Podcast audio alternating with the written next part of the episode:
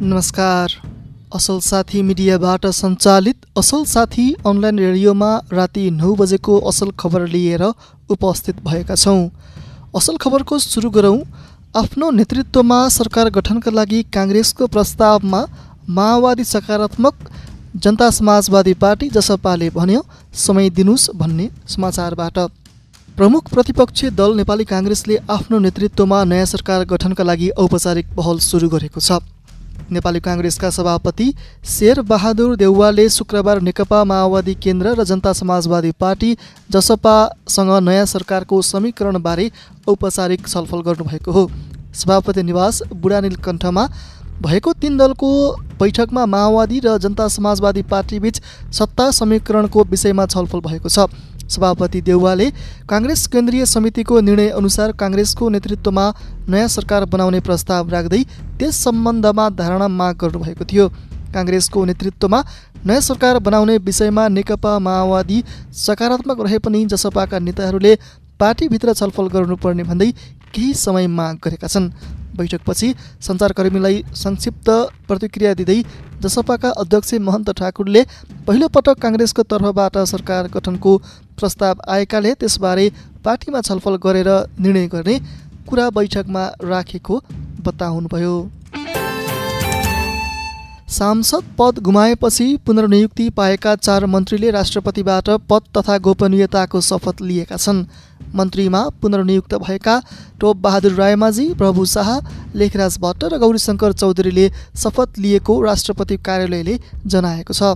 उनीहरूले यस अघिकै मन्त्रालयको जिम्मेवारी पाएका छन्। रायमाझीले ऊर्जा जलस्रोत तथा सिँचाइ भट्टले उद्योग वाणिज्य तथा आपूर्ति शाहले सहर विकास र चौधरीले श्रम रोजगार तथा सामाजिक सुरक्षा मन्त्रीका रूपमा पद तथा गोपनीयताको शपथ ग्रहण गरेका हुन्। सङ्घीय सांसद नरहेका व्यक्तिलाई प्रधानमन्त्रीले छ महिनाका लागि मन्त्री बनाउन सक्ने संवैधानिक व्यवस्था रहेको छ। सर्वोच्च अदालत बार एसोसिएसनले सर्वोच्च अदालतको न्यायाधीश पदमा नियुक्तिका लागि सिफारिस भएका उच्च अदालतका मुख्य न्यायाधीश नहकुल सुवेदीको नियुक्ति र छनौट प्रक्रिया गलत रहेको बताएको छ। न्याय परिषदबाट गएको फागुन अठाइस गते सर्वोच्च अदालतको न्यायाधीशमा नियुक्तिका लागि सिफारिस सुवेदीको योग्यता नपुगेको बार एसोसिएसनले बताएको छ। सर्वोच्च अदालतको न्यायाधीश पदमा नियुक्त हुन उच्च अदालतमा न्यायाधीशका रूपमा पाँच वर्ष काम गरेको हुनुपर्ने तर सुवेदीको हकमा तिन वर्ष दुई महिना तिन दिन मात्र काम गरेको देखिएको सर्वोच्च बारका अध्यक्ष पूर्णमान साक्यले बताउनुभयो। बार एसोसिएसनले न्याय परिषद र संसदीय सुनवाईका सभापतिको ध्यानाकर्षण समेत गरेको सर्वोच्च बारले निकालेको विज्ञप्तिमा उल्लेख छ। माओवादी केन्द्रबाट गण्डकी प्रदेश सरकारमा सहभागी भएका भूमि व्यवस्था कृषि तथा सहकारी मन्त्रालयको जिम्मेवारी मुख्यमन्त्री पृथ्वी सुब्बा गुरुङले सम्हाल्ने भएका छन्। गत बुधबार गण्डकी प्रदेशमा माओवादीबाट सरकारमा सहभागी भएका आन्तरिक मामिला तथा कानुन मन्त्री हरिबहादुर सुमान र भूमि व्यवस्था कृषि तथा सहकारी मन्त्री लेखबहादुर थापाले राजीनामा दिएपछि उक्त उक्त पद रिक्त थियो। रिक्त रहेको मन्त्रालयमध्ये मुख्यमन्त्री गुरुङले भूमि व्यवस्था कृषि तथा सहकारी मन्त्रालयको जिम्मेवारी लिएका हुन्। त्यस्तै रिक्त रहेको अर्को मन्त्रालय तत्कालका लागि गण्डकी प्रदेशका भौतिक पूर्वाधार विकास मन्त्री रामशरण बस्नेतले सम्हाल्ने भएका छन्। उनले आजै पदभार ग्रहण गरेका छन्। एमालेको तर्फबाट मन्त्री बस्नेतले गोर्खाबाट प्रदेशसभा सदस्यमा निर्वाचित भएका थिए। आफ्ना दुईजना मन्त्रीले राजीनामा दिए पनि माओवादी केन्द्रले गण्डकी प्रदेशलाई दिएको समर्थन फिर्ता लिएको छैन। पछिल्लो चौबिस घन्टामा नेपालभर दुई सय अठासीजनामा कोभिड नाइन्टिनको सङ्क्रमण पुष्टि भएको छ। चार हजार एकहत्तरजनाको पिसिआर परीक्षण गर्दा दुई सय अठासीजनामा सङ्क्रमण पुष्टि भएको स्वास्थ्य तथा जनसङ्ख्या मन्त्रालयले जनाएको छ। आज थपिएका सहित नेपालमा कोरोना सङ्क्रमण पुष्टि हुनेको सङ्ख्या दुई लाख उना अस्सी हजार तिन सय अठासी पुगेको छ। यस्तै पछिल्लो चौबिस घन्टामा एक सय सत्ताइसजना निको भएसँगै कोरोना सङ्क्रमणबाट मुक्त हुनेको सङ्ख्या दुई लाख त्रिहत्तर हजार सात सय पैँतिस पुगेको छ। अहिले नेपालमा छब्बिस सय पन्ध्रजना सक्रिय सङ्क्रमित छन्। पछिल्लो चौबिस घन्टामा कोरोना सङ्क्रमणबाट कसैको पनि ज्यान गएको छैन। नेपालमा कोरोनाबाट अहिलेसम्म तिन हजार अडतिसजनाको ज्यान गएको छ। स्कुले बालबालिकामा कोरोनाको जोखिम बढेपछि स्वास्थ्य मन्त्रालयले अनलाइनबाटै पठन पाठन गराउन सिफारिस गरेको छ। बालबालिकालाई सङ्क्रमण हुने क्रम बढेपछि कोभिड नाइन्टिन सङ्कट व्यवस्थापन सञ्चालन केन्द्र सिसिएमसीलाई अनलाइनबाटै पठन पाठनको व्यवस्था गराउन सिफारिस गरिएको हो। नेपालमा अहिले स्कुले बालबालिका र अठार वर्षभन्दा कम उमेरकालाई सङ्क्रमण बढ्दै गएको पाइएको छ। यसअघि यो उमेर समूहमा सङ्क्रमण दर सात दशमलव चार प्रतिशत रहेकोमा अहिले दोब्बरभन्दा बढीले बढेर सोह्र प्रतिशत पुगेको स्वास्थ्य मन्त्रालयको तथ्याङ्कमा उल्लेख छ। हिजो देशभर तिन सय बत्तिसजनामा सङ्क्रमण भएको थियो। यसमा अठार वर्षभन्दा मुनिका एकाउन्नजना छन्। यस्तै स्वास्थ्य मन्त्रालयले पच्चिसजनाभन्दा बढी भेला हुन रोक लगाउन सिसिएमसीलाई सिफारिस गरेको छ। सरकारी जमिन हडपेर वर्षौँदेखि बसोबास गरेको भन्दै दमक नगरपालिकाले सुकुम्बासी बस्तीमा डोजर चलाएको छ। नगरपालिकाले डोजर चलाएर घर टहरा भत्काएपछि त्यहाँ बसोबास गर्दै आइरहेका दुई दर्जन घर परिवार विस्थापित भएका छन्।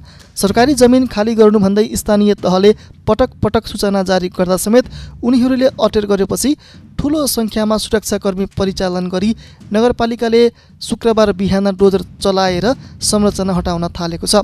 दमक वडा नम्बर सात स्थित हाट खोला बजार क्षेत्रको सुन चाँदी लाइन र पुरानो पूर्व पश्चिम राजमार्ग लाइन गरी दुई स्थानमा नगरपालिकाले डोजर चलाएको हो। त्यहाँ बसोबास गर्ने मध्ये केही नहुनेले यसअघि अन्यत्र व्यवस्थापन गरेर संरचना हटाउन लागेको नगरपालिकाका मेयर रोमनाथ ओलीले बताउनुभयो। आज हटाइएका घर टहरामा बस्नेहरूको अन्यत्र घरवास रहेकाले भत्काउनु परेको मेयर ओलीले बताउनुभयो। सुन चाँदी लाइन तिन वर्षदेखि खाली गराउने नगरपालिकाको योजना थियो। यो हाल आएर सम्भव भयो। त्यस क्षेत्रमा नगरपालिकाले सिटी सेन्टर निर्माण गर्ने योजना बनाएको छ। दस हिमाल आरोहण गर्न शुक्रबार एकै दिन तिसजनाले अनुमति लिएका छन्। कुल चार सय उन्नाइसजनाले अनुमति लिइसकेका छन्। त्यसमा पुरुष तिन सय उन्तिसजना र नब्बे महिला रहेका छन्। सन् दुई हजार एक्काइसका लागि लिइएको अनुमति हो। पर्यटन विभागका अनुसार तिसजना आरोहीबाट दुई करोड पैँसठी लाख सैँतिस हजार एक सय सैँतिस रोयल्टी सङ्कलन भएको छ। कुल तेत्तिस करोड उनान्सय लाख पचास हजार चार सय छ्यानब्बे रोयल्टी सङ्कलन भइसकेको छ।